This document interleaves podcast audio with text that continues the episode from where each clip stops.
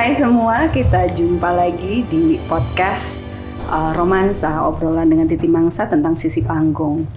Nah, beberapa waktu lalu selalu kita membahas tentang proses-proses kreatif dan apa saja sih um, perjalanan, kerumitan, kebahagiaan selama kita berproses di panggung.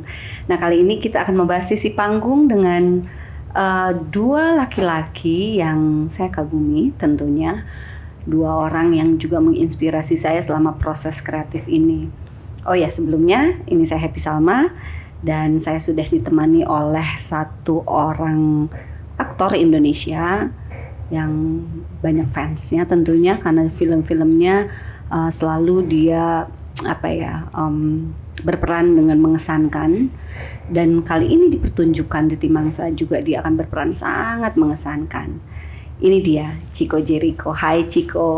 Halo Mbak Happy, apa kabar? Baik dan juga ini ada um, ketua dari kelompok teater yang apa ya yang lumayan sangat produktif juga ya dan fansnya banyak banget ini saya baru ketemu ada sutradara yang fansnya walaupun sedang tidak latihan dateng aja ketemu dia inilah Kak Iswadi Pratama karena Kak Is selalu apa ya bukan hanya sebagai sutradara atau guru acting teater teman-teman selama ini tetapi juga jadi kakak atau bapak yang baik untuk banyak teman-teman ya. di Titi Mangsa tentunya. Apa kabar Kak Is? Baik, terima kasih Teh Gimana ya. teater Satu Lampungnya? Alhamdulillah masih terus latihan produktif. Iya, hebat hmm. ih. Hebat banget.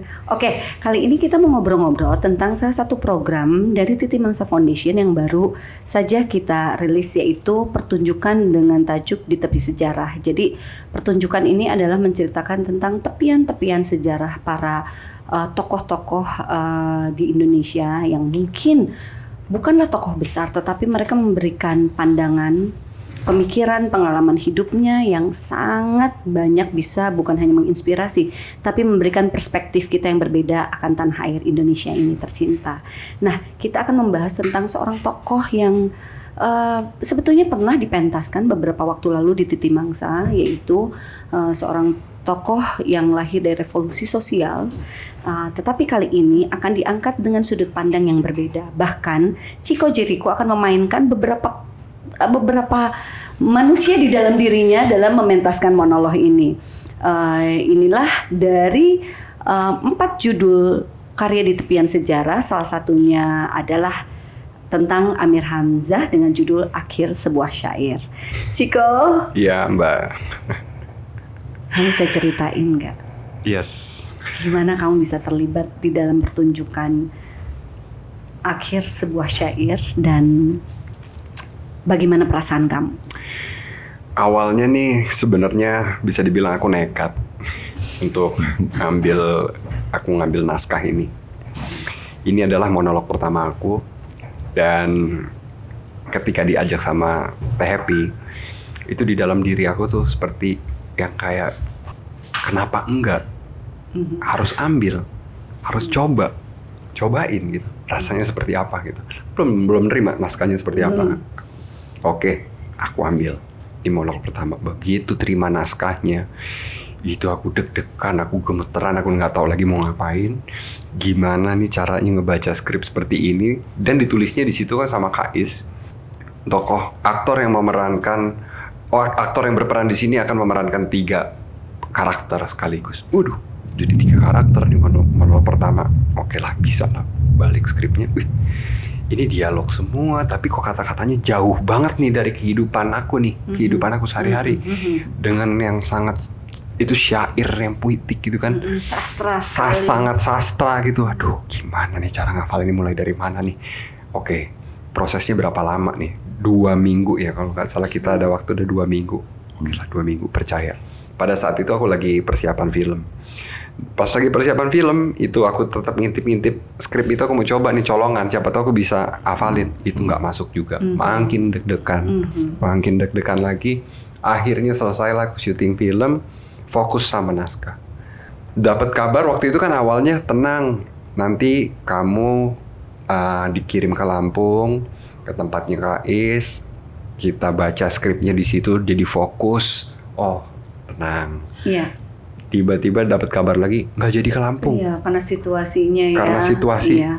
Waduh makin panik lagi. Waduh gimana ya? Mundur juga nggak mungkin. Ya waktu juga udah semakin deket nih sama makin lama makin deket kan. Oke katanya tenang aja. Ntar kita reading by Zoom. Waduh by Zoom pula. Udah by Zoom udah nggak konsentrasi tuh. Iya. Pikiran aku udah di mana-mana Iya. tuh. Padahal kamu bukan pertama kali memegang naskah dong. Udah puluhan naskah kamu pegang dalam film. dalam film. Tapi selama aku megang naskah, ini naskah yang paling luar biasa dan amat challenging banget dan aku nggak bisa ngungkapin pakai kata-kata. Menurut aku ini naskah yang sangat spesial. Iya, iya, iya. Kamu bener-bener di apa ya dipertaruhkan lah semua ya Bet- aduh, kedisiplinan kamu. dan aku suka banget. kamu, Dan iya. aku, aku suka banget. Aku cinta banget sama naskah ini. Hmm. Dan akhirnya ketemulah sama Kais. Awalnya, awalnya aku coba re- readingnya belum ada Kais. Hmm. Aku workshop masih sam- ditemenin sama Adit. Iya, Ya. iya. main sama. Adit, Iya. ada sama teman-teman produksi di sini ada Mitae juga Hmm. sama Nala. Susah banget, susah sekali untuk aku masuknya. Mhm. Untuk masuk ke tokoh yang ada di dalam naskah tersebut. Iya. Mulailah coba pelan-pelan, pelan-pelan. Masih susah ketemu Kais. Kais itu menjelaskannya benar-benar dengan enak. Hmm. Jadi aku gampang mudah mengerti dan aku gampang untuk masuk gitu Iya. ke naskah pelan-pelan. Eh, setelah sehari ketemu Kais, malamnya aku ke bawah mimpi. Ya ampun saking kamu benar-benar menghayati dan terus-menerus membaca naskah tersebut ya. Itu aku ke bawah mimpi yang akhirnya ngerubah, Perspektif kamu. merubah segala perspektif aku dan akhirnya aku nggak tahu kenapa setelah itu aku lebih merasakan merasakan kalau di dalam naskah ini aku bisa langsung tune in ke karakter ini jadi diberikan kemudahan Iya. lebih diberikan kemudahan gitu untuk masuk di dalam setiap babaknya bagaimana kayak seperti ada tuntunan gitu. Iya, iya. Wow, ini ini pengalaman spiritual juga ya. Iya, aku ngobrol lah sama Kais, aku Iya. ceritain apa yang terjadi gitu. Iya. Dikasih tahu sama Kais Mhm. ketika menyentuh rasa yang belum pernah sebelumnya kamu keluarkan dalam dalam dalam dunia seni peran ini gitu, dalam film-film Hmm. atau apa disentuh rasa yang paling sensitif. Iya. rasa itu yang belum pernah keluar. Jadi kamu harus ikhlas untuk untuk mengeluarkan rasa itu, rasa yang lembut. Tuh. Dituntun terus aku sama Rasa Kak. yang lembut. Aku belum pernah dapat karakter bisa dibilang ini karakter yang lembut. Lembut tapi sangat banyak dinamikanya sebenarnya di dalam karakter ini Wow. itu terus izinkan terus katanya kak ikhlas ikhlas jangan ditahan tapi tetap harus dikontrol. Dengan begitu kamu akan diberikan kemudahan untuk menghafal segala teksnya. Yang paling penting dari teks aku sangat ingat sama kata-kata Kais adalah subtext. Mhm. subtextnya dulu kamu miliki baru kamu bisa menghafalkan teks. Oke. Wow. jadi setiap hari itu aku berlatih untuk subtext untuk apa yang ingin diceritakan di dalam naskah ini. Hmm. Hah, kalau ngedenger ini aja ya, yang baru saja sedikit tadi Ciko jelasin, itu menggambarkan betapa tokoh Amir Hamzah itu punya kompleksitas yang luar biasa ya, Sang. sangat ya. Kais, waktu beberapa bulan yang lalu saya menghubungi Kais. Hmm. Kais, saya ingin mengangkat lagi Amir Hamzah. Yuk kita angkat lagi. Kais juga menyambut dengan sangat antusias dan gembira. Boleh nggak diceritain sedikit mengapa Amir Hamzah itu penting? Mungkin sedikit saja sam dan juga menambahkan dari apa yang disampaikan oleh Ciko. Kenapa dia punya perasaan sedemikian dahsyat ketika dia mencoba masuk ke dalam naskah tersebut? Oh ya ada satu. Jangankan Ciko. Ketika Ciko pertama membaca naskah, aku juga pertama membaca naskah, aku langsung telepon Kais. Kais, ini benar. Menurut Kais, ini kita cuma punya waktu sebulanan loh, gitu ya. Kita akan intens punya waktu 15 kali latihan setidaknya gitu. Apakah aktor mampu menguasai dengan teks tersebut? Tahu nggak Kais? Bisa. Saya udah ngintip-ngintip Ciko, dia pasti bisa. Katanya gitu karena sutradaranya mengatakan iya. Saya wajib mendukung dan juga mengatakan iya. Ceritain dong Kais. Ya, Eh, waktu Teh Happy ngubungi saya untuk eh, ngangkat lagi Amir Hamzah, itu saya sangat bahagia karena pertama saya merasa masih berhutang dengan sosok ini gitu. Eh, belum sebelumnya kan kita mainin nyanyi sunyi revolusi, ada beberapa hal yang menurut saya harus harus kita kerjakan lagi gitu. Iya.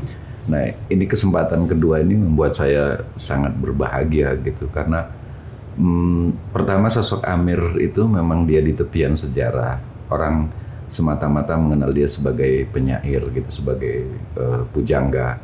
Tapi di luar itu yang paling penting adalah konflik batin di dalam dirinya karena Amir itu benar-benar ada dalam situasi batas yang tidak mudah saya katakan dalam situasi batas yang nggak mudah itu karena di satu sisi dia masih ingin terus melanjutkan pergerakannya di Batavia menjadikan bahasa Melayu sebagai bahasa Melayu baru sebagai eh, bahasa pemersatu bersama Armin dan Sultan Takdir. Betul. tapi di sisi lain dia berutang budi dengan kerajaan Langkat gitu. Karena dia disekolahkan dibesarkan. Yang dia nggak mungkin untuk menolak permintaan Sultan kembali ke Langkat. Boleh diceritakan sedikit? Mungkin banyak teman-teman yang belum tahu ini Langkat itu di mana? Ya, eh, Langkat ini di Sumatera Utara atau dulu disebut Sumatera Timur, salah satu wilayah di Sumatera Utara atau di Sumatera Timur, kerajaan yang cukup besar dan makmur sebenarnya. Nah, dia diminta pulang oleh Sultan Langkat untuk menggantikan kedudukannya, tetapi ketika kerajaan sudah dalam keadaan sangat eh, krisis gitu, terlibat hutang yang sangat besar, Karena gaya hidup yang gaya hidup tinggi. yang berpoya-poya, terlilit hutang dengan pihak Belanda. Dan di satu sisi dia harus meninggalkan Batavia, teman-temannya Armin Pani, Sultan Takdir yang berjuang bersama dia, dan juga kekasih yang amat dia cintai, Ilik Sundari. Hmm. Itu situasi yang sangat tidak mudah gitu, dia dalam situasi batas. Pulang ke Langkat, dia harus mewarisi sebuah kerajaan yang hampir yang dalam di ujung tanduk gitu Iya. pos- eh, dia Aduh, dia seperti mau mengorbankan diri itu Iya. namanya ya.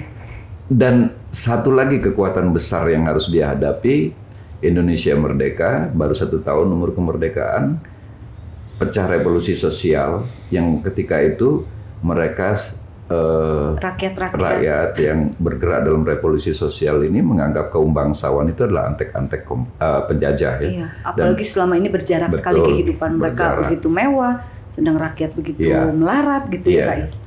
Jadi Amir yang sangat mencintai bangsanya, sangat mencintai rakyatnya, sementara rakyat saat itu eh, bergejolak, melakukan revolusi dan hendak eh, menghabisi kaum bangsawan, dan dia berdiri di pihak bangsawan, kerajaan yang harus dia selamatkan. Nah itu situasi batas yang sangat tidak mudah, dan eh, itu belum cukup ternyata.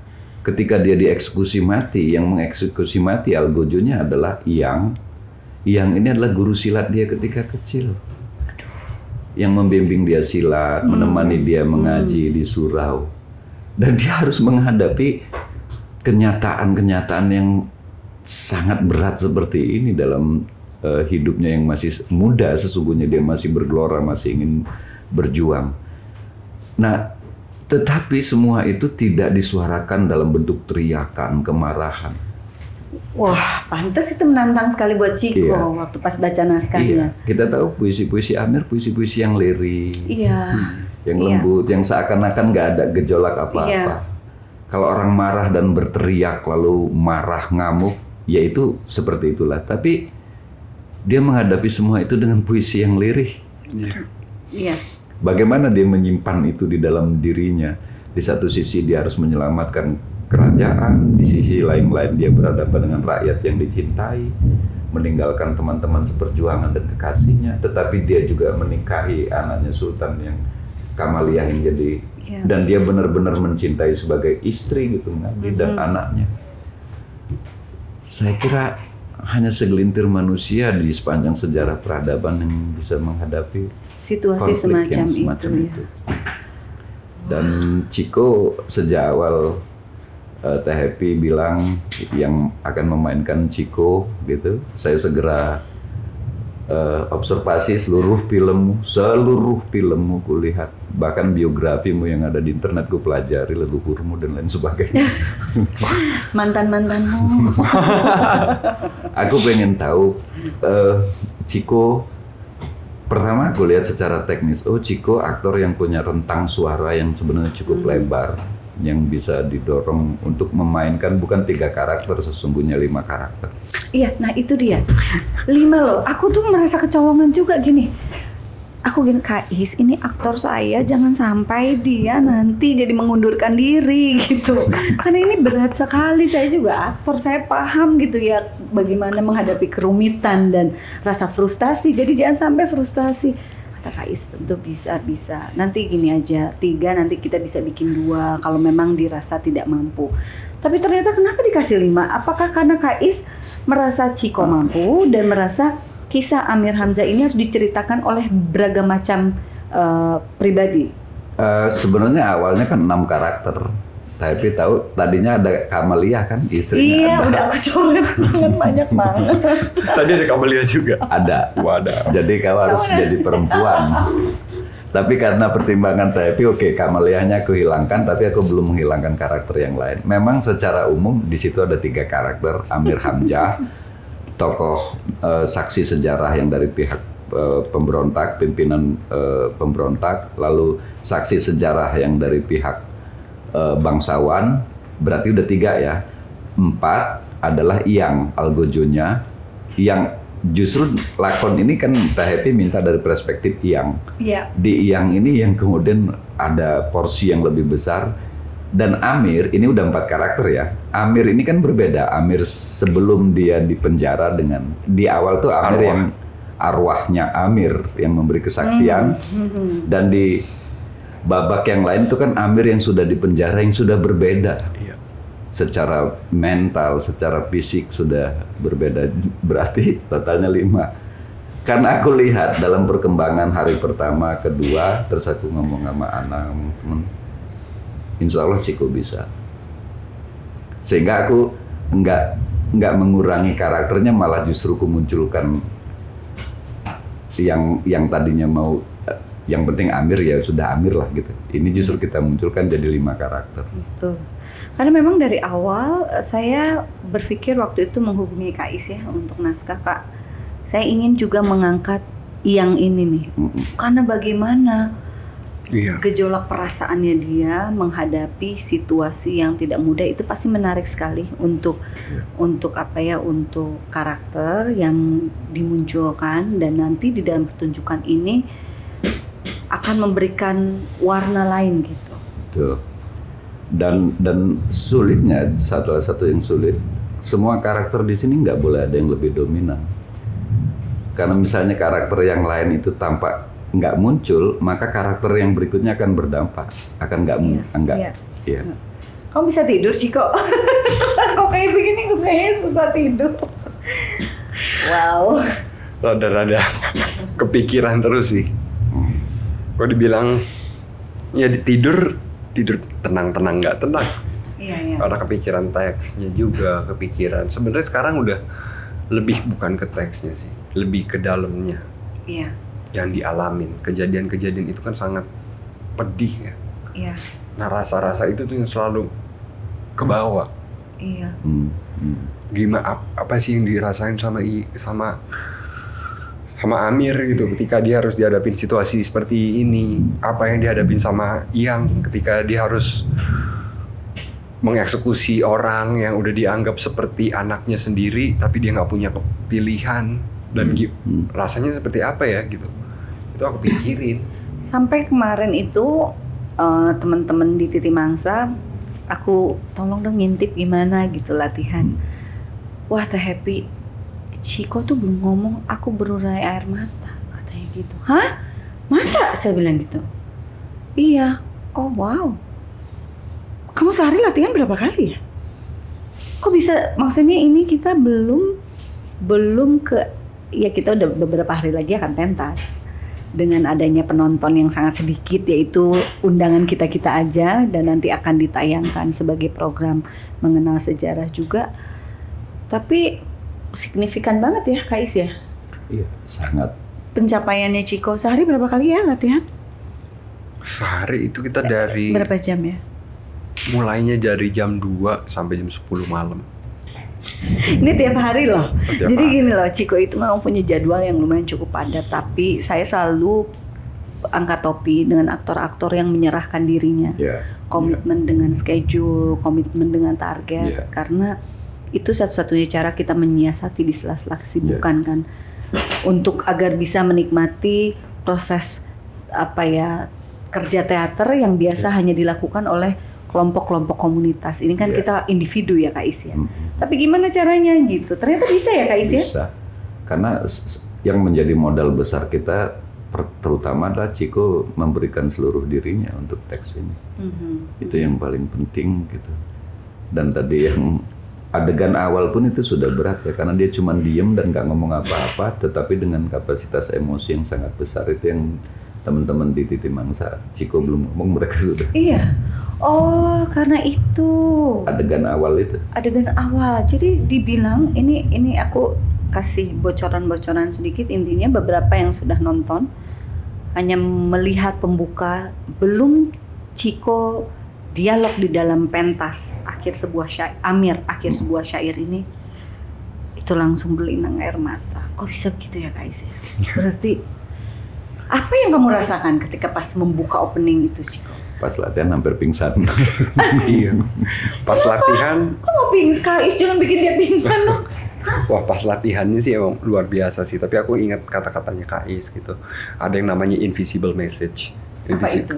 Aku ingat banget invisible message itu nggak perlu di diucapin, tapi apa yang kamu ungkapin itu kamu ungkapin pakai rasa ah, biar ahwal yang berbicara. Jadi ketika kamu ikhlas jujur, ahwal itu akan berbicara dan sehingga penonton itu akan menerima apa yang akan kamu sampaikan. Hmm. dan itu nggak boleh putus karena ada yang namanya energi dan itu itu ini kata-kata Kais yang aku ulang Ini apakah pengalaman ini menurut kamu akan berguna untuk masa depan kamu ketika nanti kamu menelan naskah-naskah berikutnya di proyek-proyek yang lain? sangat makanya aku sangat berterima kasih sama Mbak Happy yang udah kasih aku kesempatan ini. Ini adalah kesempatan aku sebagai aktor untuk belajar lebih dalam lagi Hmm. mengenai untuk dunia seni peran. Karena apa yang aku dapat di sini ini akan memperkaya aku nantinya. Di karena ya nggak ada kata cukup untuk menjadi seorang aktor. Ini adalah proses pembelajaran. Dan di film pun juga pembelajaran dan terus terus terus dan pembelajaran yang aku dapat di sini aku nggak bisa dapat di mana-mana Iya, aduh, seneng ya dengannya ya. Gini loh, eh, Ciko dan Kais, kata-kata Ciko barusan sebetulnya adalah salah satu pengalaman batin yang aku terima ketika mengenal proses kreatif di bidang teater. Makanya membuatlah Titi Mangsa untuk rumah sama-sama ini. Tapi itu pun ternyata bukan hanya berguna di bidang keaktoran atau bidang pekerjaan yang kita tekuni, tetapi di wilayah pembentukan karakter kita sebagai seorang pribadi itu Ya. sangat bermanfaat. ya betul Ya, pasti itu akan berguna banget. Hah, kamu ketagihan nggak? tagihan pokoknya harus ajak lagi Mbak Happy Kamu ini dong kasih kasih sedikit aja ada teks yang yang terngiang-ngiang di telinga kamu yang kayaknya tuh menyentuh hati kamu yang rasanya itu bisa jadi pegangan hidup kamu juga mungkin gitu. Ada nggak? teksnya Amir Iya. ada sih beberapa aku ragu aku tidak bisa menolak tawaran Sultan aku ragu seperti Arjuna yang hendak menarik busur panahnya ketika perang kuru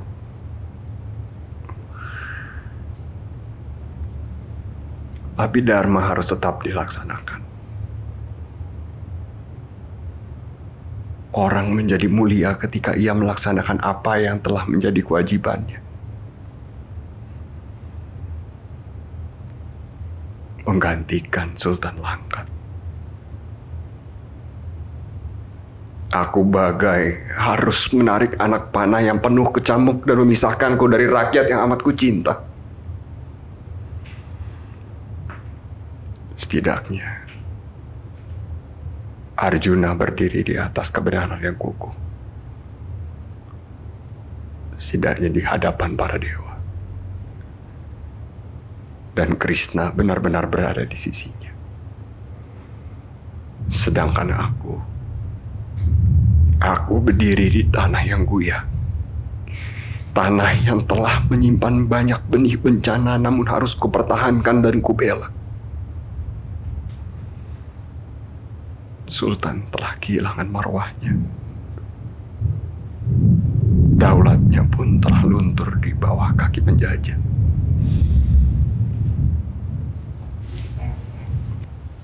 Wow, saya jujur kehabisan kata-kata dengan obrolan yang sangat apa ya membuat saya memunculkan banyak perasaan ya. Ada terharu juga. Dan semangat saya untuk berkreativitas dan semangat saya untuk tidak berhenti membuat sesuatu uh, dan membuat karya yang terus lebih baik dari obrolan dua orang yang keren ini dari Ciko dan Kais. Jadi jangan ke mana-mana, kita akan lanjutkan lagi obrolan di romansa, obrolan titi mangsa tentang sisi panggung.